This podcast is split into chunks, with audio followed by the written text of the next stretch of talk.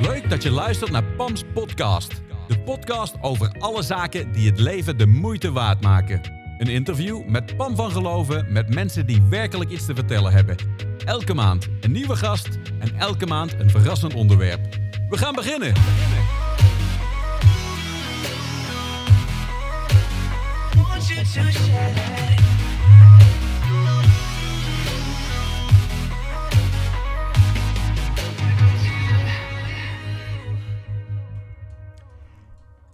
Beide heren hebben een paar overeenkomsten. Ze houden van dieren, zijn goed gehumeurd, actief, creatief, goedhartig en soms een tikkeltje chaotisch. Ze willen allebei heel graag hun enorme kennis over de dierenwereld delen. En daarvoor zijn ze hier op de Eras MBO Barneveld helemaal op hun plaats. De enige MBO-school met een dierentuinvergunning. En ik stel ze graag aan jullie voor. Als ze maar buiten kan zijn, dan is Arjan Potsma helemaal in zijn element. In het Noord-Hollandse Zaandijk geboren, meest bekende boswachter van Nederland, ging af aanvankelijk geschiedenis studeren, maar kwam er al heel snel achter dat hij liever buiten bezig was. Als boswachter voor het landschap Noord-Holland was hij aanvankelijk helemaal in zijn element. Maar hij was toch liever buiten dan op kantoor en koos ervoor om freelance boswachter te worden.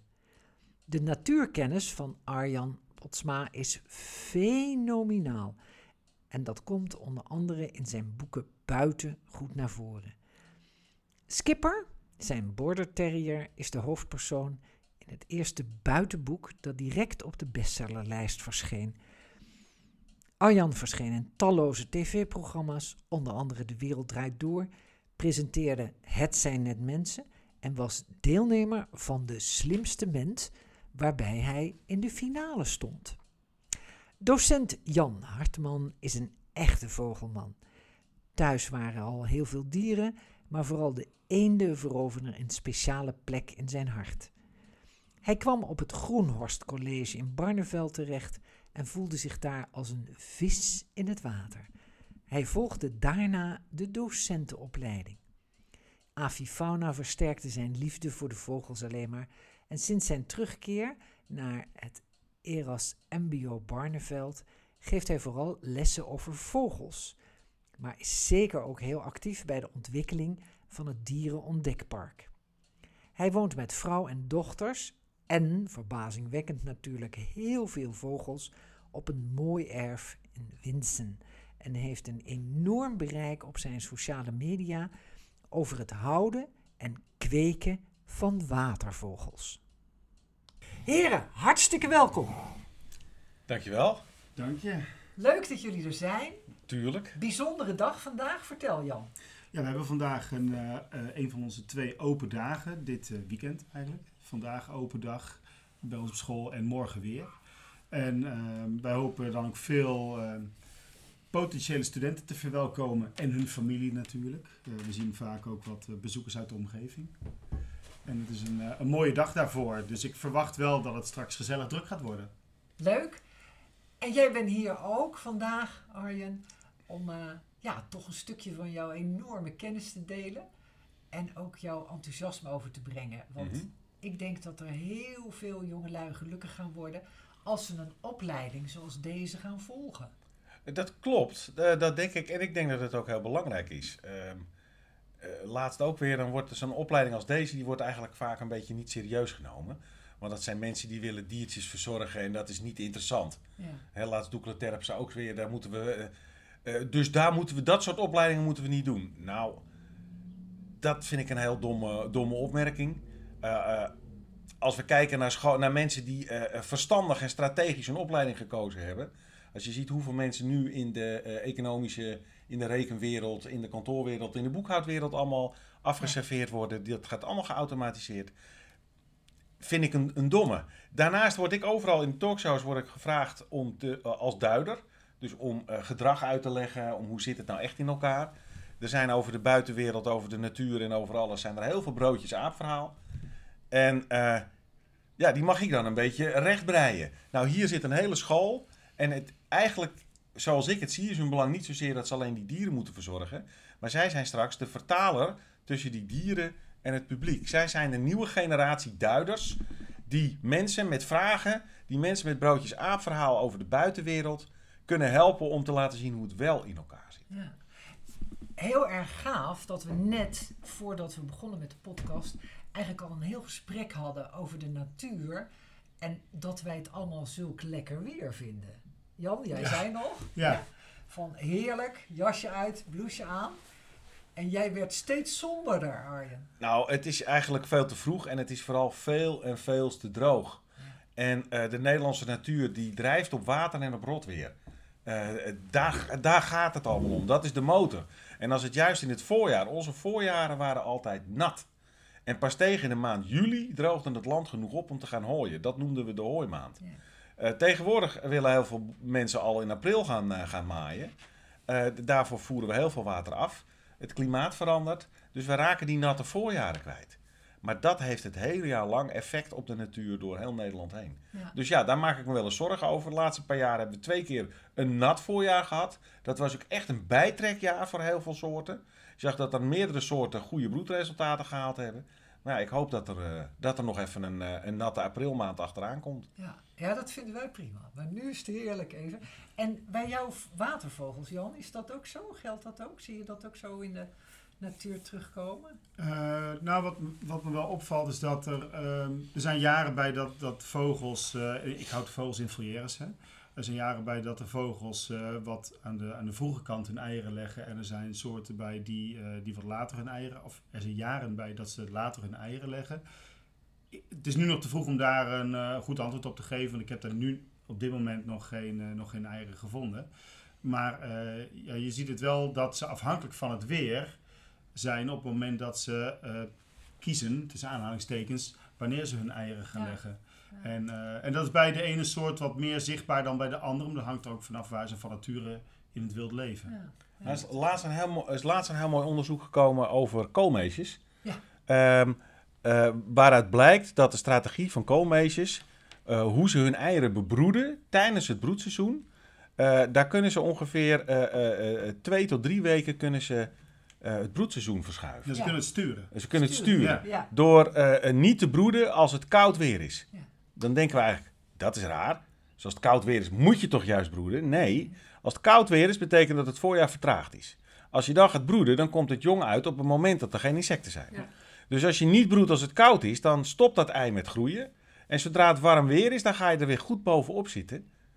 En dan krijg je dat nest eh, even goed groot. Dus daar, dat betekent dus dat er een soort pauzeknop ingedrukt er wordt. kan een soort pauzeknop Ja. ingedrukt worden. Eh, dat zie je trouwens ook, ook bij eenden, zie je dat vaak. Eenden leggen iedere dag een ei, net zolang tot dat nest vol ligt. En dan eh, ben je terreinbeheerder, dan ben je boswachter. En dan komen mensen, oh, we hebben een nest gevonden, is helemaal verlaten, is helemaal koud. Dat is helemaal niet waar. Dat nest is gewoon nog in progressie. Ja. En al die eieren staan in standby. En pas als ze doorgewarmd worden, vanaf dat moment, dan mogen ze er niet meer af. Dan moeten ze erop blijven zitten. Ja. Dus dat kunnen ze uitstellen. En zo zie je dat die, die hele. eh, eh, alle organismen in de natuur zijn veel meer in staat om eh, eh, te reageren onder omstandigheden dan we denken. Wij denken altijd dat het altijd. Wij willen altijd zo va- vast in regeltjes alles zetten. Dat dier doet op dat moment doet hij dat. Nou, dat hangt van de omstandigheden af. Want dieren zijn geen levende robotjes. Die passen zich ook aan. Ja. ja, je ziet het ook met de verandering in het klimaat, hè, wat er gebeurt. En ja, je ziet het zelfs gewoon in je achtertuin. Als je goed oplet, dan merk je ineens een verschuiving op wat de vogels doen en hoe ze eh, zich gedragen en, en eh, wanneer ze wat. Nou ja, en wat je ziet is dat die koolmees, die, kon, die kan dus zijn, eh, die heeft een mooi mechanisme hoe die zijn broedseizoen een beetje kan verlengen. Zodat ze precies uitkomen als de rupsen uitkomen. Want dat is het grootste bron die ze nodig hebben. En die echte rupsen explosie is misschien maar 10 tot 14 dagen. Ja. Dus dat moeten ze precies goed timen. Dat is heel handig. Maar als het door de, dat superdroge voorjaar die vlinders eigenlijk niet tot het eierleggen aankomen. Als de vlinders te vroeg uitkomen en daardoor is er geen bloemen voor ze, dan ben je die hele eerste, eerste generatie kwijt. Ja. En dan kun je uitstellen wat je wil als koolmees, maar dan ben jij niet meer in staat om die klimaatverandering bij te benen. En hetzelfde geldt voor watervogels. Die jonge eendjes, die, eh, die, die, volwassen vogels kunnen voeden, die kunnen broeden, die kunnen de jongen uit laten komen. Maar die jonge eendjes, die moeten zelf hun eigen insecten bij elkaar zoeken, net als jonge gruttootjes.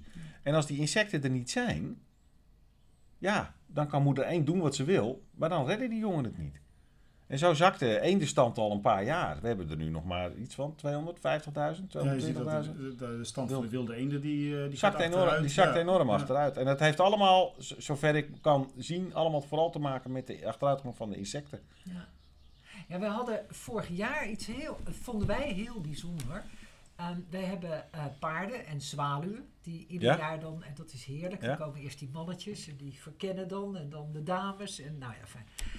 En mijn pony moet altijd een stapje opzij, hè, want die wordt altijd helemaal volgescheten. Zo, zo werkt dat bij zwaluwen. Maar die hebben normaal twee, max drie nesten. Ja. En vorig Nou, jaar... soms vier. Ja, maar Die- vorig jaar gebeurde het. Toen hadden ze een vierde nest en dat was te laat. Ja. Want ze moeten op een gegeven moment vertrekken. En wij hebben uren staan kijken naar de zwaluwenouders met de eerste twee nesten, die de jongste aan het leren vliegen waren, helemaal vol stopten. En Die toen mee. Ja, Dat maar, zo bijzonder. maar meestal is het zo dat dat vierde nest, Ja, dat laten ze meestal gewoon in één keer laten vallen. Want die boerenzwaluwen, en, en huiszwaluwen doen het ook, en Ja. oeverzwaluwen, die blijven broeden zolang de omstandigheid goed is. Ja, En opeens is er blijkbaar een soort eh fanfare en dan is het ta jongens, trektijd. En dan op dat moment gaan ze weg. En dan hebben, ze ze, hebben dan ze hebben ze die jongen in de nesten liggen. Dan hebben ze de jongen gewoon in de nest. Dus Ja. ik heb ze gewoon bijna vliegvlug gevonden. Maar van de een op de andere dag zijn ze weg. in dit geval zijn ze meegegaan, dus wij waren daar, Ja, dat is, dat is, wij waren er blij mee. We dat is ook dat ze het halen. dat is dan heel bijzonder. ja. Eh, maar ja, dat, die, die, die boerenzwaluwen, die, die, dat- die, eten, die voeren per nest Ja. ongeveer 300.000 insecten op. Ja. Plus wat ze zelf eten. Dus nou, als je drie nestjes hebt. En wat je hoor. zelf, dan zit je op 1,2, 1,4 miljoen insecten wat ze eten. Per paardje. Ja. In één zomer. Dat is een gigantische hoeveelheid. En eh, heel veel van de dingen die wij doen, die werken door in die insectenwereld. En daar moeten we meer aandacht op besteden. Had je het net over paarden. Nou, als, als boswachter wilde ik nooit paardenmest in het land hebben. Nee, Want paardenmest is een drama, want dat zit vol ontwurmingsmiddel. Omdat die paarden, de, heel veel paarden zijn een soort couveuse kindjes. Die worden heel, heel snel ziek, dus Ja. die krijgen heel veel medicijnen. Die medicijnen komen in de, in de drollen terecht. En als je dat over je land heen strooit, dan gaat al het bodemleven kapot. Ja. Alle wurmen, alle dingen, die hebben daar enorm veel last van. Ja, klopt. Dus dan ben je in het mom van, eh, onder het, je probeert je paard goed te verzorgen. En dan maak je van het bruine goud, wat die paardenmest eigenlijk is, want dat is Ja. prachtige mest. En dan maak je er eigenlijk chemisch afval van. Ja. En daarna moeten we dat chemisch afval kwijt en dat gaan we dan over het land dumpen. En dan hebben we daar dus weer heel veel. Terwijl mensen het idee hebben, nee, we zijn lekker aan het mesten, we zijn lekker bezig en zo hoort het allemaal toch. Maar dat we nieuwe medicijnen gebruiken, die niet meer afbreken, wordt dat opeens een enorm groot probleem. Dat is hetzelfde voor mijn hondje Skipper.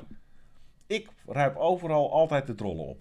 Ik, heb, ik ga geen beslisbomen instellen, want dan is er altijd wel een reden waarom ik het laat liggen. Weet je wel? Dus ik ruim het altijd op. En waarom? Omdat hij, hij heeft ook antiflooienmiddel. Dus die drol is eigenlijk ook chemisch afval geworden. Dus die kan je niet meer in het land laten liggen. Ja, het is de moeite waard, maar het is lastig.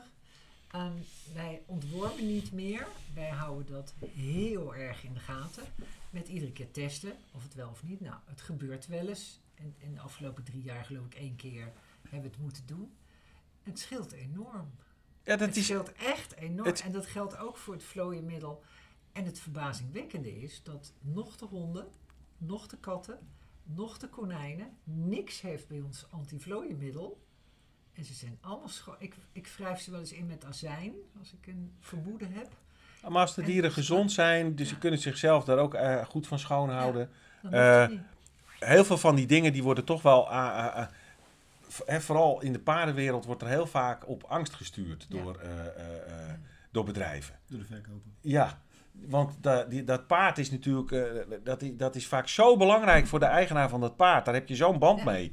Hè, daar heb je zo'n eh, samenwerking, een soort symbiose is het soms bijna. En je moet zo'n groot deel van je leven gaat op naar dat paard. Dus ieder risico wat erin zit, Dat moet eruit gehaald worden. Maar dan schieten we wel eens door. En dat is dan wel eens jammer. Nou ja, we weten het ook vaak niet meer. Hè? Wat grootmoeder vroeger deed, is toch wel veel weggezakt. Nou, maar ook als je, eh, eh, je, eh, je land vo- vol met kruiden staat en het is heel schraal, dan eet een paard een heel gevarieerd dieet. En dan is hij veel gezonder en dan heeft hij dus ook veel minder last van parasieten en van dat soort Ja. dingen. Als wij het moderne gras zien, wat alleen maar gemaakt wordt voor eiwitproductie, wat paarden al helemaal niet moeten, want ze krijgen, hè, ze worden hoeven vervangen, ze, allemaal dat soort rare dingen. Dus niet mesten, heel schraal land, veel kruidenrijke hooilanden, waar we het ook voor de natuur graag voor willen hebben. Ja, dat is ook voor je paard veel gezonder. En als je paard gezonder is, heb je minder nodig. Maar het is toch even goed belangrijk om, om want je noemde het zelf al, Pam, ehm, dat je de, de mest controleert en op basis daarvan kun je eventueel eh, ingrijpen. Maar dat preventieve, dat is toch ook niet noodzakelijk? Nee, dat is het ook niet. Alleen, we zijn natuurlijk opgevoed met dat het heel belangrijk is om direct antibiotica te nemen als je een scheurtje in je vinger hebt. Terwijl de grote vraag natuurlijk is of je dat echt nodig hebt. Ja, en ontworming wordt meestal gewoon standaard om de zoveel tijd gedaan. Ja. Ja, bij, ja, bij alle een huisdieren. Bij, bij alle huisdieren wordt dat gedaan. En het, en het probleem is natuurlijk ook dat je heel vaak stallen hebt waar, weet ik veel, 80 paarden staan. Ja, Die, en als er dan één ziek wordt. hele kleine eh, soort van paddockjes hun dingetje doen. En dat is allemaal niet zo erg, maar dan moet je ze wel heel goed in de gaten houden. En dat is vaak lastig als ze op een ander staan. Ja. Dus de- ik kan me dat wel voorstellen dat dat erin sluipt. Nou, en er kan natuurlijk een ander systeem bedacht worden. Hè. Nu is het uit voorzorg, wordt er iedere keer zoiets gegeven. Eh, je zou het ook eerder kunnen doen op het moment dat er last van is. En dat je daar de medicijn ook op aanpast. Ja. En dan Ja, is het dat- ook makkelijker om die, die mest apart te houden. Ja. Ja. Nou ja, dat is wat wij hier op school in ieder geval doen bij eh, de afdeling eh, van de vogels. Dus hebben we papegaaien, kanaries, noem het allemaal maar op. Ehm, wij, wij laten de mest controleren door onze studenten die Ja. met de microscoop gaan bekijken wat voor parasieten er aanwezig zijn. Ja, nou, dat. En dan kun je, en je weet wat er aanwezig is aan parasieten, en je kunt gericht behandelen. Je gaat Ja. geen breed spectrum Ja. eh, inzetten, Ja. maar je gaat gericht behandelen op Ja. datgene wat die dieren hebben. Maar dat is, dat is vakwerk. En dan moet je dus naar een opleiding. En dat leer je dus hier. Ja. En, die en dan leer je dat en dan weet je hoe je dat moet doen. Ja. Maar de meeste mensen die dieren houden, die hebben een dier gekocht of een paar dieren. En die doen maar wat. Ja. En die komen mensen tegen die ze de gekste dingen eh, vertellen en wijsmaken. En mensen reageren er maar achteraan. Als je nou kijkt, eh, eh, nu is ook bij paarden, is dat over het kruiskruid. Is er een hoop te doen. Hè? Ja. Jacobs kruiskruid is, is naspul. Als een paard dat eet, krijgt hij leverfalen. Ja. Hij gaat op een nare manier gaat hij dood. Ehm, dat Jacobs kruiskruid, dat verspreidt zich door Nederland langs de bermen van de snelwegen. Ehm, de bermen van de snelwegen worden eh, bloemrijker. Dat is heel ha- hard nodig, want we hebben geen bloemen meer in Nederland. Ja, absoluut. Is, ik vind het heel treurig dat we daar de berm voor moeten gebruiken. Dat dat blijkbaar het enige stukje waar we nog geen bestemming op hebben. Maar Allah. Maar dat betekent dat dat Jacobs kruiskruid zich ook verspreidt. Nou, voorheen werd dat hooi graag gebruikt. eh, werd dat aan paarden verkocht. Want daar werd namelijk geen mest op gegooid op Nee. berm. Eh, dus dan was dat handig. Maar ja, nu zit dat, soms dat er doorheen. Als het op het land staat, eet geen paard het op. Maar als het in het hooi zit, dan herkennen ze het niet. Dus mensen raken in paniek. Maar er zijn ook kruiskruiden, zoals waterkruiskruid. Dat staat in veengrond. En dat staat er altijd al. En als je in augustus bij mij achter in de polder kijkt, dan is de hele polder is geel van het kruiskruid. Want de koeien die eten het niet op, die eten het gras ertussenuit Ja. en dat kruiskruid blijft staan. Nou heeft dat kruiskruid dezelfde giftigheid als dat Jacobs kruiskruid, alleen het is maar een paar procent in vergelijking met dat Jacobs kruiskruid. Dus als jij dat waterkruiskruid, daar hebben mensen nooit last van gehad, want dat is al honderden jaren staat het er altijd in. Eh, je zou kunnen denken, het laatste hooi bloot ik in plaats van dat ik, want dan staat dat Jacobskruiskruid Ja. of dat waterkruiskruid er, dan bloot ik het gewoon, dan is het een beetje groen, bij meestal niks aan de hand. Kortom, het gaat hartstikke goed. Mhm. Maar nou hebben mensen het idee van kruiskruid is gevaarlijk. Ze herkennen het juiste soort niet. Ze, het is, Ja. ze herkennen de soort, ze zien alleen het is kruiskruid. En wat krijg je nou? Een hetze tegen ieder geel bloemetje wat er is. Ja. En als er ook maar iets geels is, dan hup, wordt er meteen een gifspuit bovenop gezet. In het mom van we moeten mijn paard beschermen. Maar daardoor gaat er veel meer stuk dan wat we eigenlijk zouden willen. En dat is dan heel jammer. En dat is dus waarom deze opleidingen zo belangrijk zijn. Want hier worden mensen opgeleid en die weten hoe dat zit. En die kunnen dan inderdaad zeggen, ah nee, dat moet je gewoon zo aanpakken. En dit is Want het ene poldertje is het ander niet. Het is overal Ja. weer even anders. Daar heb je vakmensen voor nodig. Die al die hobbyisten, die met goed bedoelde broodjes aapverhaal maar wat aanlopen te pruttelen. Dat die een beetje eh, de weg gewezen wordt. Ja. Ja, hartstikke leuk ook dat eh, binnenkort, begin mei is dat, aan 6, 7, 8 is Animal Event in de Ja. Beekse Bergen.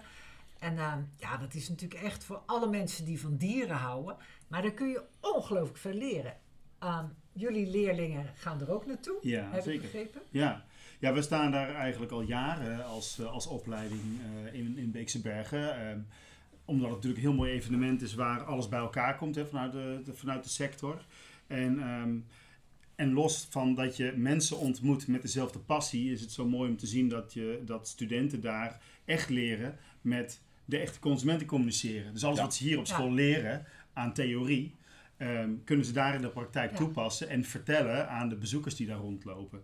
En daar zie je eh, studenten ook echt groeien Ja. in hun, eh, we noemen dat de soft skills. Hè? Dus dat zijn de, de zachte vaardigheden. Dus niet de, de harde theorie uit de boeken, maar de communicatieve vaardigheden. Dus het toepassen van die kennis en Ja. het, eh, het overbrengen. Ja. En daar is Animal Event een, een heel mooi evenement voor. Ja. Eh, dus eh, daar kijk ik heel erg naar uit, ja, om daar weer naartoe te gaan met studenten. Want dat heeft natuurlijk ook een paar jaar niet meer gekund. En nu mogen we weer.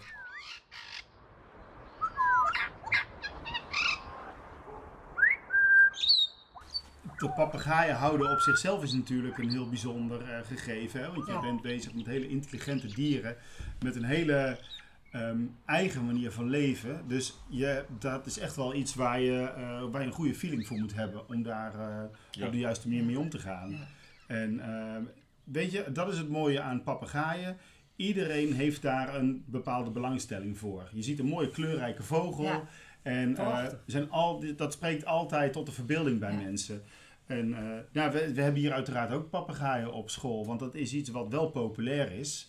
Maar waar je in ieder geval heel voorzichtig mee om moet gaan. eh, in de manier van hoe je die dieren houdt. Want het, eh, nou, je hebt wel een hele grote verantwoording eh, af te leggen tegenover die dieren. Hè. Je hebt, ja, je, je, sluit, je moet allerlei com- compromissen sluiten om die dieren goed te kunnen Ja. verzorgen.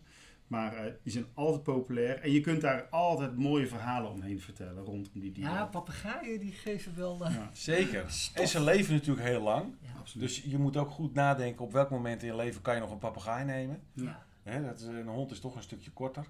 Eh, Nou ja, en belangrijk, ik denk ik in ieder geval, is dat eh papegaaien zijn zo sociaal. Die, heb je Ja. dus, die moet je ofwel zelf alle volle aandacht geven die ze nodig Ja. hebben. En als je daaraan twijfelt of als je daar niet aan kunt voldoen, dan als je papegaai wilt houden, neem er niet één, maar neem er een aantal. Dan hebben ze in ieder geval elkaar nog. Ja. En eh, dat, dat zien we hier op school heel goed. We hebben jarenlang een, eh, een aantal ARA's gehad. Op dit moment hebben we hele- helaas nog maar eentje, want eh een van de twee is eh, recent gesneuveld. Of ja, die was gewoon heel oud. Maar we zijn nu dus aan het, aan het oriënteren op de, eh, de aanschaf van een nieuwe ARA. En dat gaat niet over, eh, over één nacht ijs. want het moet ook maar net klikken. En dat is heel mooi bij ARA's. Die, eh, die kiezen elkaar vaak ook uit op karakter.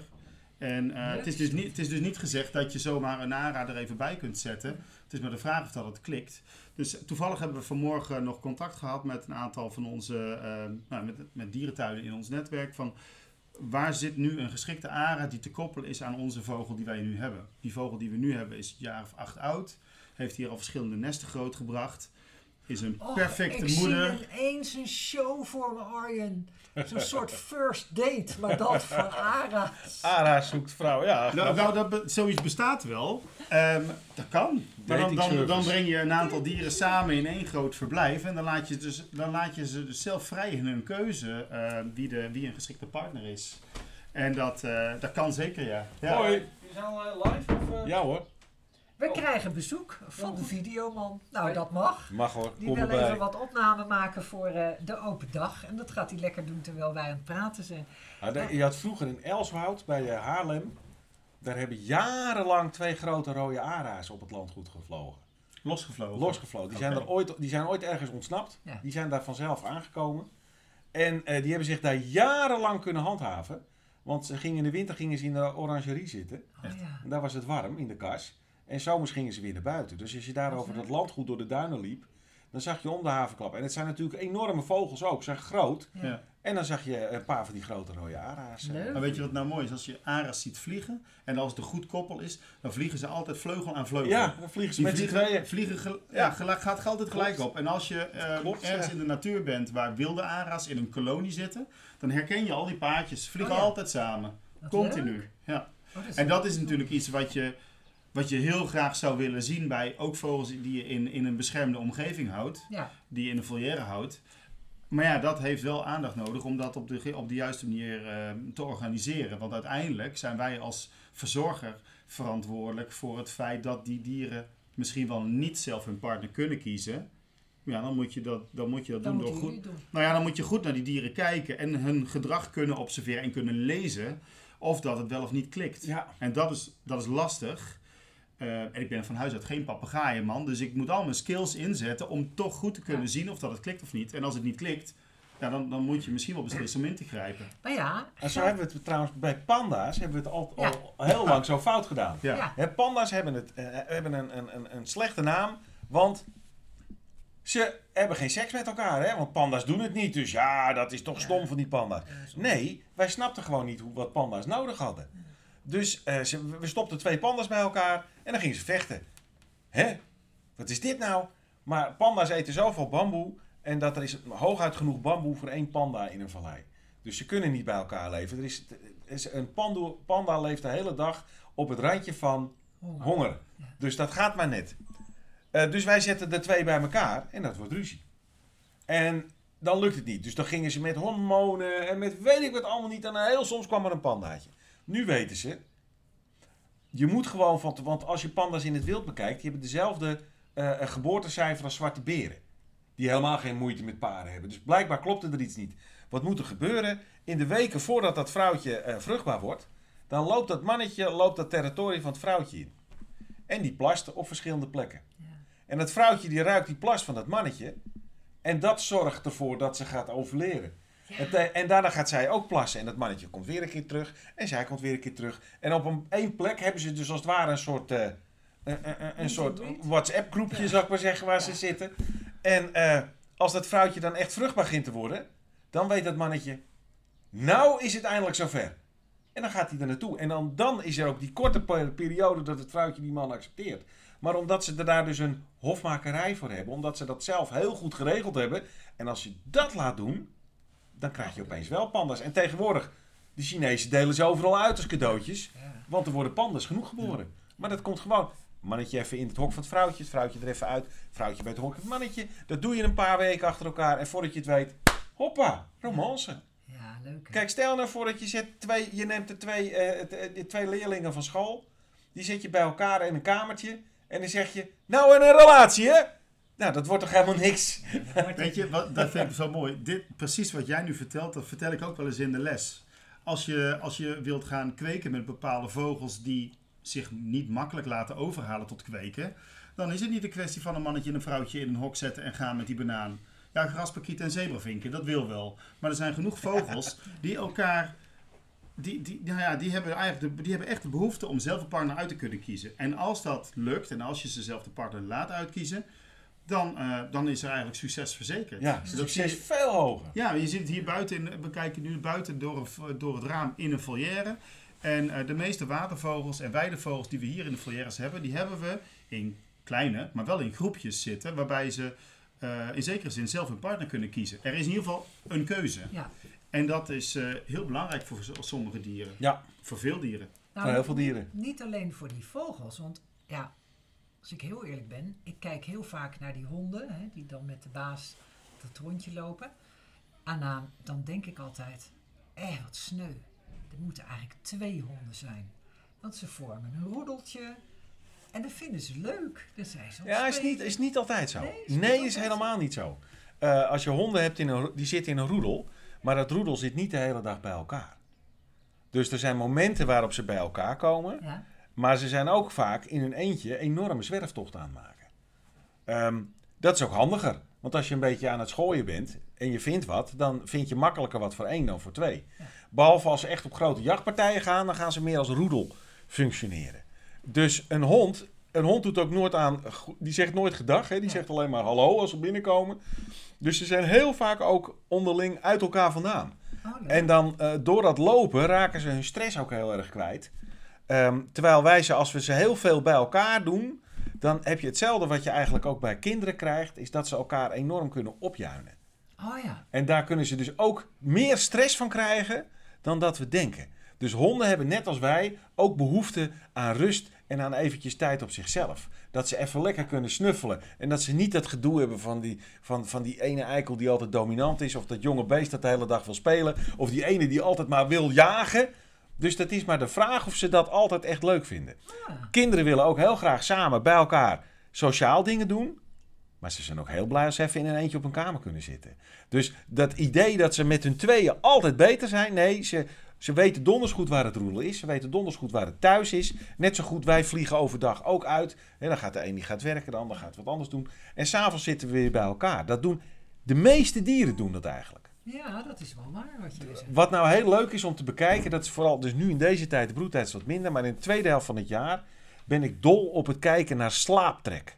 Ja? Dus eh, heel veel vogelsoorten die slapen bij elkaar in een grote de koutjes, Roeken. Ja. Ja. koutjes, roeken, halsbandpakieten, zilverreigers, ganzen, spreeuwen. Nou, het zijn er zo verschrikkelijk veel. Vlak bij mij heb je het Alkmaardermeer. En in die tweede helft van het jaar, daar slapen 15.000 tot 20.000 zilvermeeuwen iedere nacht. Op het Alkmaardermeer. Komen uit de hele provincie vandaan. Dus als het een beetje eind van de dag is, zie ik overal die groepjes meeuwen komen. En die gaan allemaal naar huis. En ze gaan allemaal dezelfde kant op. En dat vind ik zo leuk. En als je dat nou in de buurt eens gaat bekijken. Vlak zo'n uur voor de schemering. Dan ga je kijken en dan zie je, hé, hey, een groepje. Groepje spreeuwen. Ja. Hé, hey, nog een groepje spreeuwen gaat dezelfde kant op.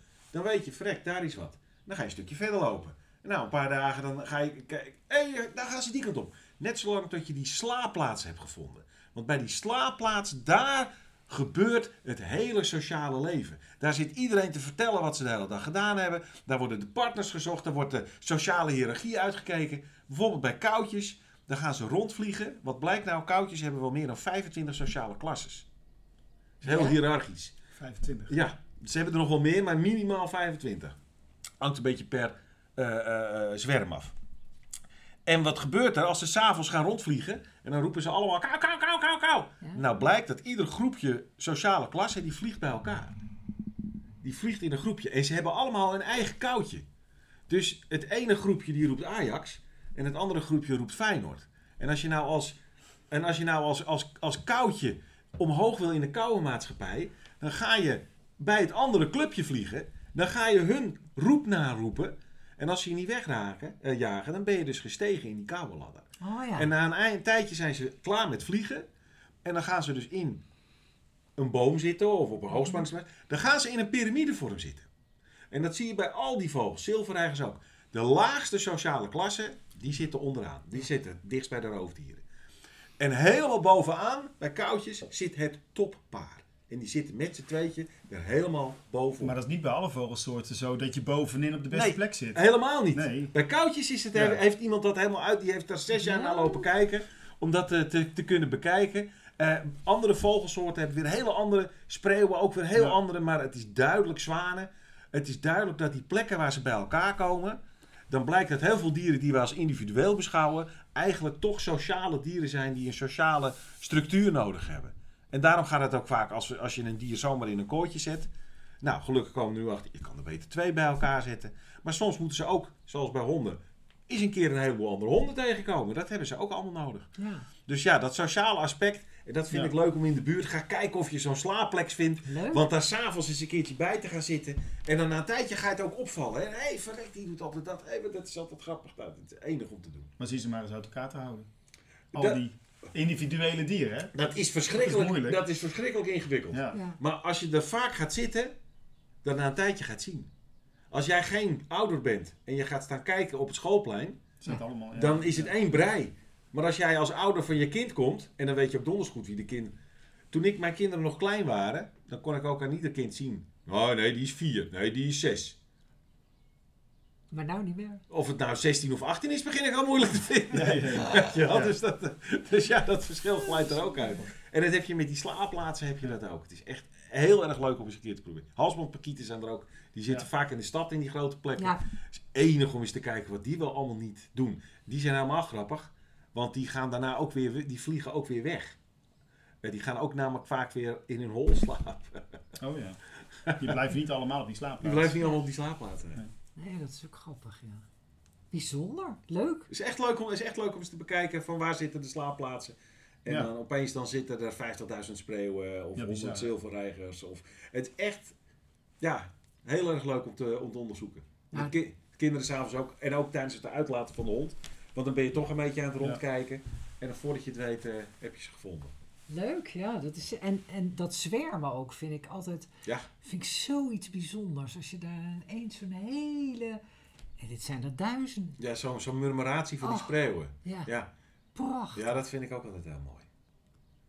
En is dat nou in een bepaalde tijd, weet jij dat? Een bepaalde periode? Nou, dat doen, is, dat, dat, dat is vooral na eh, eh, de broedtijd, aan het eind van de zomer en in het begin van de herfst. Ja, ja. Ehm, nou zie je dat ook bij die spreeuwen verandert. Want normaal gesproken bleven spreeuwen tot december in Nederland. Ja. Dan begon het wat te vriezen en dan gingen ze naar Engeland toe. Dus je had eigenlijk oktober, november had je die grote zwermen. Die, die, die, zo, die zo rondvlogen. Ehm, nu, blij, nu is de winter wordt niet zo koud. Dus heel veel van die spreeuwen die blijven gewoon Ja. hier. ja. Ehm, dan zie je dat die numeraties vaak langer aanhouden. Ze vallen ook soms uit elkaar in kleinere groepjes, omdat ze dan meer op zo'n slaapplaats gaan zitten, waar ze permanent kunnen slapen. Hm. Dus dan zie je dat verschuiven. En zo zien we ook dat, vroeger dachten we dat dieren zijn levende robotjes. Die hebben een speciaal Hm. soort instinct, dat is het, eh, eh, of een speciaal soort software, dat is het instinct. En daardoor gaat alles vanzelf. Maar nu blijkt dat dat helemaal niet zo is. Nee. Dat instinct, dat bestaat eigenlijk helemaal niet zo. Ehm, zelfs bij eh, trekvlinders als Atalanta's, waarvan je helemaal denkt dat is toch een fladderend robotje. Nou, die overwinteren normaal gesproken in Portugal. Eh 30% van de Atalanta's tegenwoordig trekt niet meer weg. Maar die blijft in Nederland overwinteren. En dat scheelt, eh, een dat scheelt nogal, want voor die trektocht naar Portugal is per jaar vier generaties vlinders nodig. Ja, Eén generatie die vliegt, een generatie die daar zich voortplant, dan weer een generatie die terugvliegt. Had je er vier per jaar nodig. Maar nu overwinteren ze hier en hebben er nog maar twee nodig per jaar. Maar betekent dat ook dat ze dan minder gaan voortplanten, omdat dat niet nodig is? Eh, nee, ze, ze- ja, ze, ze, ze, ze, ze hebben hier gewoon één. en Zo'n vlinder heeft één eh, eh, voortplantingsseizoen, Ja, ja. zal ik maar zeggen, in, zo'n tijd. Dus die vlinder eh, die is geboren in de zomer hier. En eh, eh, aan het eind van de zomer. En die zou normaal meteen wegvliegen. Ja. Maar dat doet hij nou niet. Hij gaat, zich, hij gaat zich overwinteren. Hij blijft hier zitten. En dan in het voorjaar, dan krijgt hij pas een moment van... nou wil ik maar eens mijn eitjes leggen. Bijzonder. ja. Dus zelfs dat, Ja. soort, dat soort insecten reageren op het veranderende eh, klimaat. En dan vervolgens komen ze nu in een lente uit, waarbij dus de voortplanting alsnog stagneert. Want het is niet makkelijk om je Ja. aan te passen aan zo'n veranderende Nee. omstandigheid. En die omstandigheid verandert nu natuurlijk zo snel... dat het maar de vraag is of dat flexibele vermogen van die dieren genoeg is. Ja. Dat zie je bij bomen en planten zie je dat ook. Dat dat niet altijd even makkelijk is. En daar moeten we veel verder kijken van wat zit er nou achter... welke partners zijn er nou nodig en wat zit er nou echt... Hoe, hoe grijpt het dan al in elkaar? Zo komen we erachter dat het bos veel ingewikkelder in elkaar zit. En dat je veel meer moet doen van wat er onder de grond zit. Want dat boven de grond, dat is eigenlijk helemaal niet zo belangrijk. ja. Dus ja, Nou, dat is zeker zo. Is het ook zo dat, dat ehm, hier wordt het warmer, hè? laat ik het simpel zeggen. Hier Ja. wordt het warm. Schuiven die beesten nou ook op naar het noorden? Ja, zeker. Ja. Zeker. Dieren, planten. Dat schuift allemaal op. Dat Ja. is op zich niet zo gek.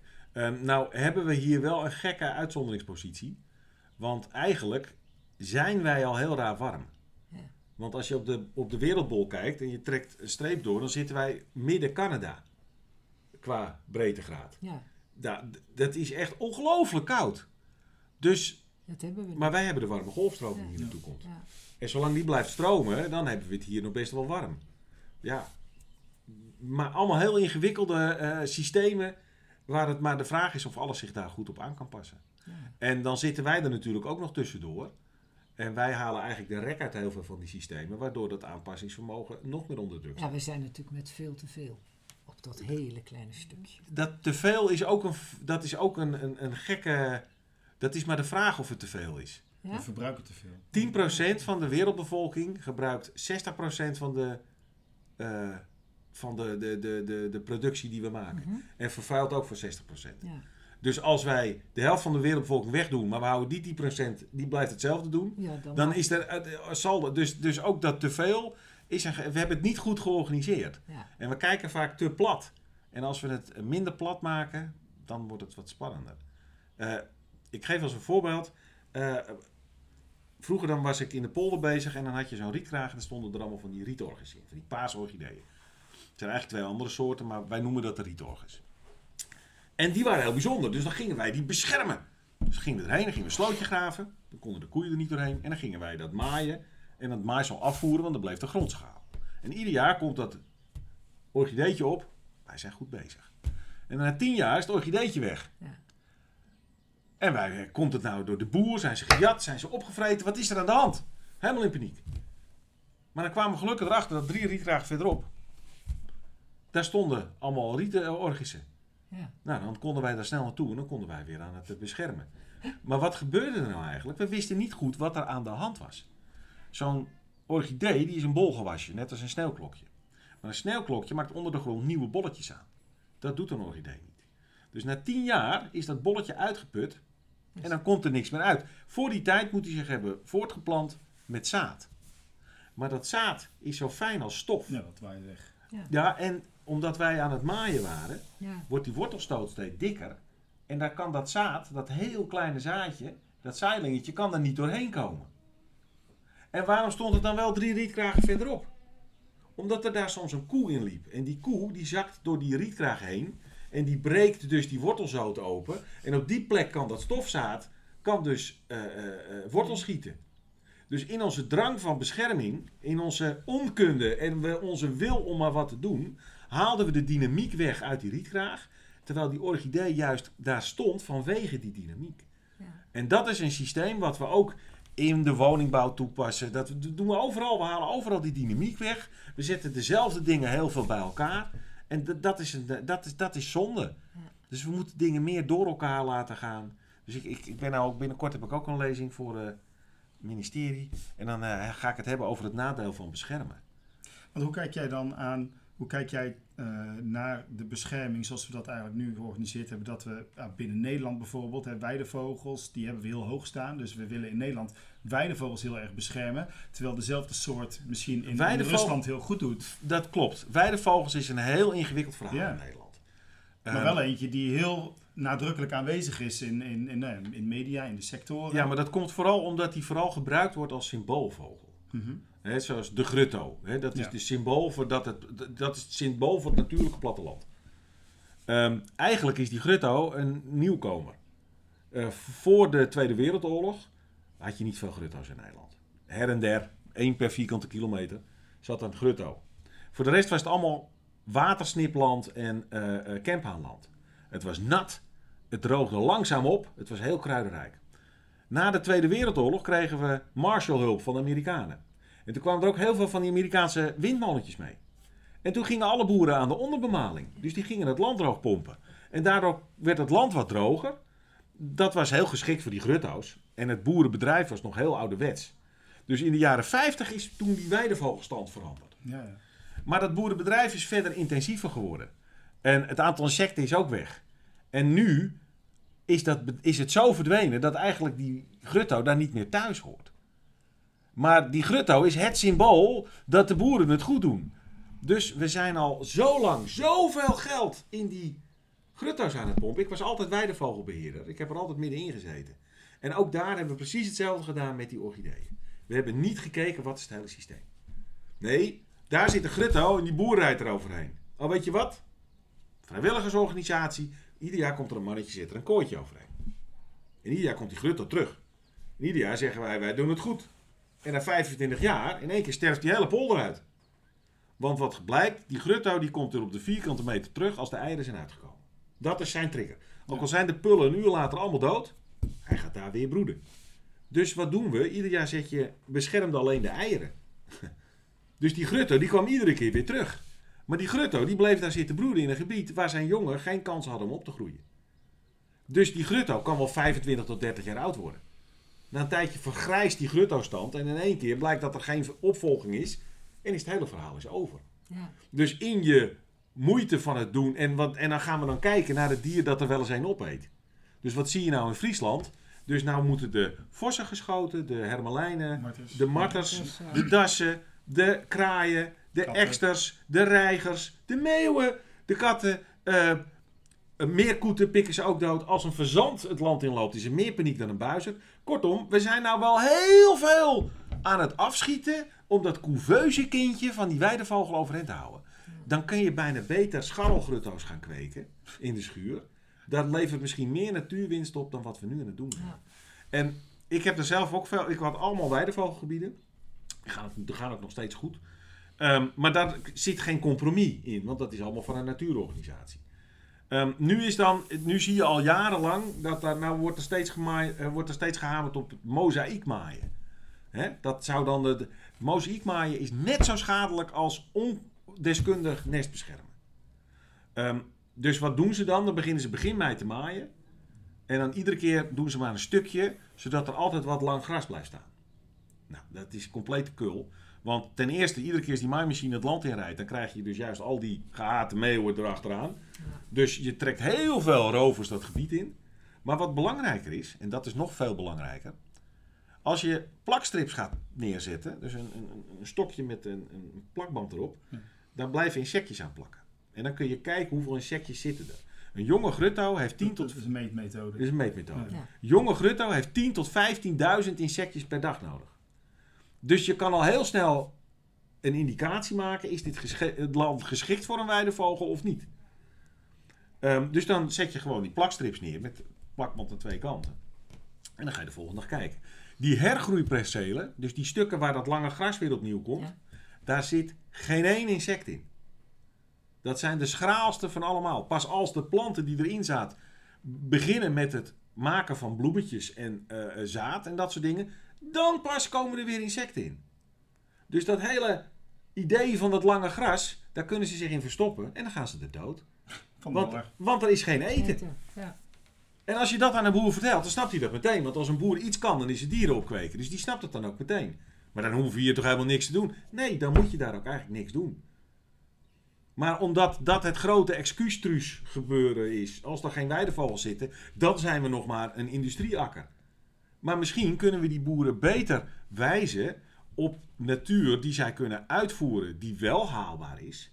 En waar er wel resultaten van zijn. En die niet een eigen biotoop op een boerenland op een industrieakker hebben. Maar die ondersteunen voor datgene wat er gebeurt in een natuurgebied. Maar dan moeten we misschien de grutto gewoon opgeven en de focus op andere dingen leggen. Nee, je moet de grut ook niet in het, eh, eh, eh, in het agrarisch land laten zitten. Ja. Dus we zien eh, al jaren een stabilisatie in eh, reservaatsterreinen. Ehm, daarbuiten kan je soms beter eerder grutta, kun je die nesten misschien beter eerder plat trappen. Want dan gaan ze daarna op zoek naar een andere Andere plek. En heb je kans dat ja. ze komen op. Want Ja. als ze weer opnieuw gaan zoeken. Kijk, die grutto is heel trouw. Die blijft altijd zitten op dat plekje. Terwijl Ja, die polder verandert om hem heen. Ja. En al is op laatst helemaal zijn buurt niet meer. Maar als hij opnieuw gaat zoeken naar een plekje. Ja, dan komt er dus het ijsje van waar moet, waar moet een woning aan voldoen voordat ik daar ga zitten. En dan blijkt opeens dat ze heel se- secuur uitkiezen waar dus de mogelijkheden zijn.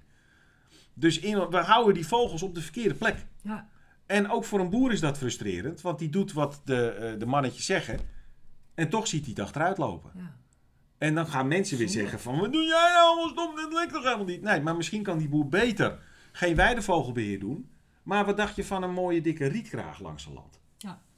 En dat kan hij makkelijk bemaaien, kan hij zelf beheren wanneer. Daar zitten rietvogeltjes in. Stoort niet bij zijn graslandbeheer, stoort helemaal daar niet bij. En hij kan er langs lopen en iedere 10 meter komt er een mooi zingend vogeltje omhoog. Er staan plantjes in, er staan orchideetjes in.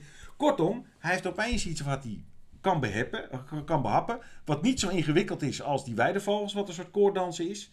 Waar je onmiddellijk natuurwinst van hebt. Wat je aan mensen in de buurt kan zeggen, kijk eens wat ik doe. Waar je zelf met plezier rondloopt. Want zo'n dood land, dat doet een boer ook geen goed. En dan heb je opeens veel meer winst. Ja.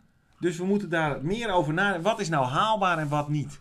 Eh, het probleem is dat er dus al 30, 40 jaar iedere keer wordt die weidevogel gebruikt als excuus. Maar daar heeft de boer zelf ook last van.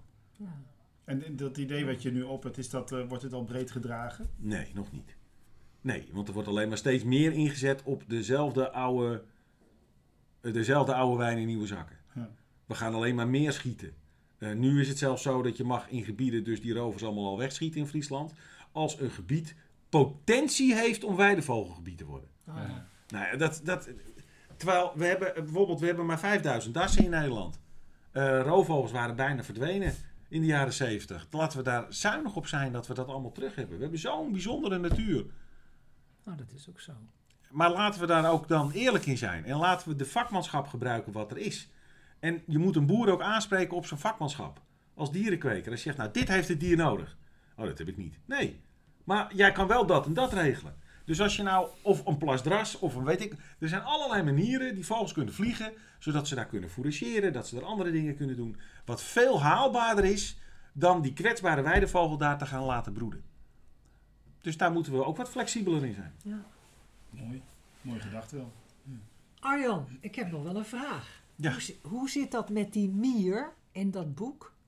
Ja, dat is mijn. eh, de, in mijn vierde boek. eh, de, hoe, hoe een gekke mier de wereld kan veranderen. Ja. en dat verhaal dat, eh, dat gebruik ik overal.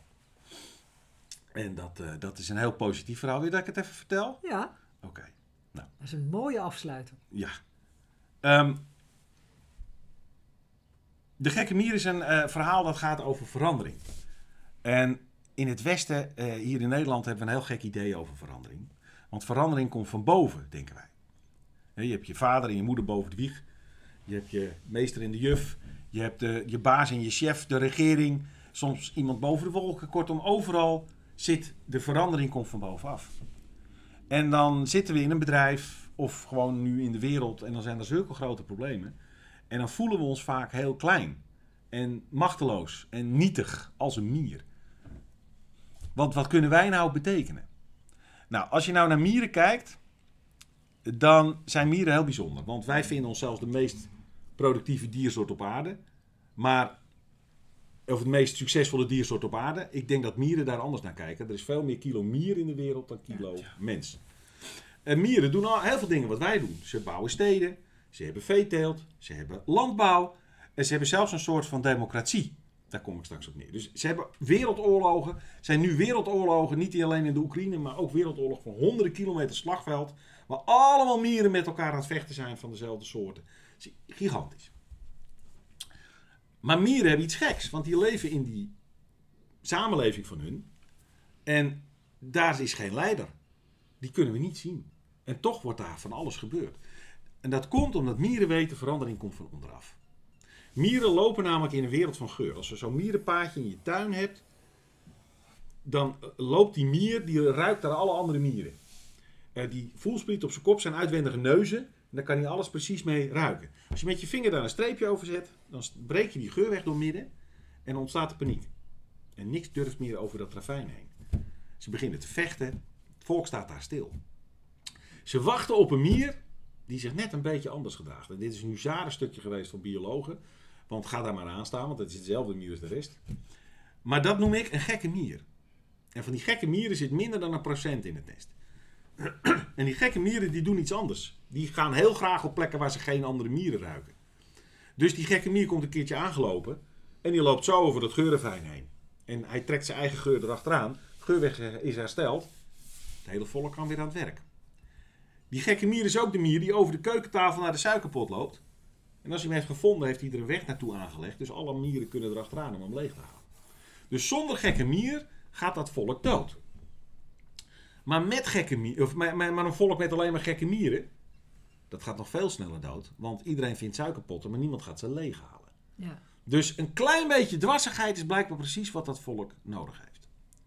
En als je nou kijkt naar zo'n nest grote rode bosmieren, dat is een soort Rotterdam. Zo'n stapel dennennaalden. Er zit 1 à 2 miljoen mieren zit erin.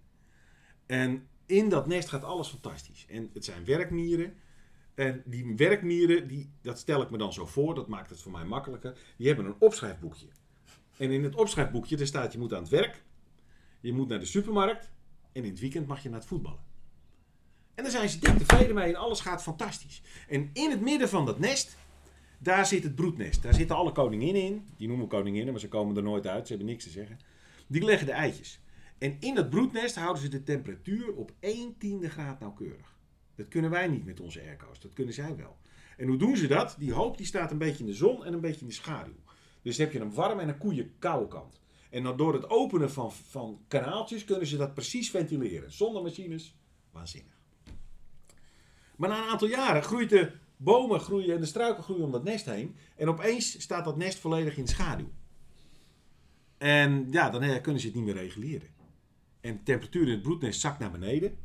En langzamerhand begint het volk te krimpen, want er worden geen jongen meer geboren. Maar ja, de werkmieren, die hebben allemaal dat opschrijfboekje. Ik moet aan het werk, ik moet naar de supermarkt en op zondag mag ik naar het voetballen. En daar zijn ze dik tevreden mee. En zo zakt dat volk, werkt zichzelf naar de ondergang toe. Maar dan komt de gekke mier. Die gaat een stukje lopen. En hij loopt een stukje en hij komt opeens een paar meter verder. Oh, zon, schaduw, ideale plek. Maar hoe gaat die ene gekke mier nou die 2 miljoen mieren overtuigen dat zijn plekje het beste is? Hij heeft geen social media, geen verkiezingen. Nee, mieren beginnen gewoon. Hij loopt terug naar het nest. En hij pakt de eerste, de meeste mier die hij tegenkomt, die grijpt hij bij zijn lurven. Tilt hij boven zijn hoofd en neemt hij mee naar dat plekje. En dan zet hij hem daar neer. Maar ja, dikke kans dat het een werkmier is. En werkmieren en gekke mieren kunnen niet zo goed communiceren. En die, gekke, die werkmier die zegt, jij bent gek. En hij pakt zijn opschrijfboekje en zegt, kijk, ik moet aan het werk. En hij rent terug naar het volk en hij gaat weer door. Maar die gekke mier geeft niet op. Die gaat nog een mier halen. En nog een mier halen. Net zolang tot hij een mier tegenkomt, die zich ook een beetje anders gedraagt. En daarvan zit ongeveer 8% in het nest. En ik noem dat een trendsettermier. Ja. En dat is de mier die het idee herkent van die gekke mier. En die mier, die is van levensbelang. Want die is degene die het idee werkelijkheid gaat maken. Want die gekke mier is na een tijdje weer bezig met een ander gek idee. Die zwerven weg. Die gaat weer iets anders doen. Gekke mieren zijn ook heel kwetsbaar. Ze worden heel snel platgeslagen. Eh, maar die trendsettermier, die zegt, jij hebt gelijk. Ik ga ook mieren halen. En hij gaat mieren halen. Maar wat doen trendsetters? Die herkennen hun mede-trendsetters heel goed. Dus die pikt hij er als eerste uit. En voordat je het weet heb je een heel contingent aan mieren die andere mieren ontvoeren tegen hun zin. Ze daar weer neerzetten. En die gaan mopperend lopen ze weer terug. En dat gaat dagen achter elkaar door. En opeens is er een omslagpunt. En ik stel me voor dat die werkmieren dan zeggen... Oh! En dan pakken ze een opschrijfboekje. Dat is het. En dan schrijven ze erop nest verplaatsen. En dan door dat heen en weer lopen hebben ze een soort geursnelweg gemaakt. Ja. En ze lopen met z'n allen terug naar het nest. Ze pakken het naaldje voor naaldje op. Ze gaan echt verhuizen. En anderhalve dag later staat het op de nieuwe plek. En is het volk weer voor jarenlang veilig. En zo werkt echte verandering. Die komt niet van boven. En ieder idee wat er ooit gedaan is, is begonnen bij iemand in een kantoortje. Iemand op een, op plekje die zegt, waarom doen we het niet zo? Als je zo'n idee hebt, hou het nooit voor je. Maar laat het zo snel mogelijk de wereld in. Want in een organisatie, in een samenleving, stuitert zo'n idee soms al heel wat jaren in de ronde. Tot het bij de juiste trendsetter terechtkomt. En dan gaat het veranderen. Dus als je een idee hebt en als je je zo nietig voelt als een mier, dan moet je je ook gedragen als een mier. Dan moet je gewoon een mier gaan halen. En als die mier ook een mier gaat halen, dan verander je de wereld. Nou, ik denk dat dat wel met jou gaat gebeuren. Arjan en Jan, hartstikke leuk. We zijn aan het einde van de podcast. We hopen dat heel veel leerlingen hier in ieder geval gaan luisteren. En heel veel mensen die geïnteresseerd zijn in de natuur. Nou, vandaag kunnen ze niet meer op de open dag komen, maar natuurlijk informatie genoeg om te vinden.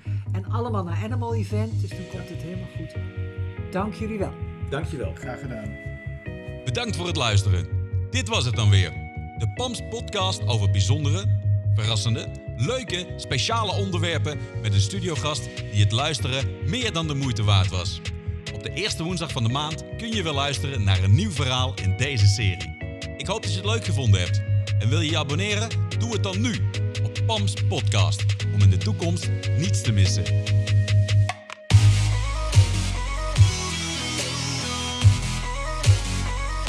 Share.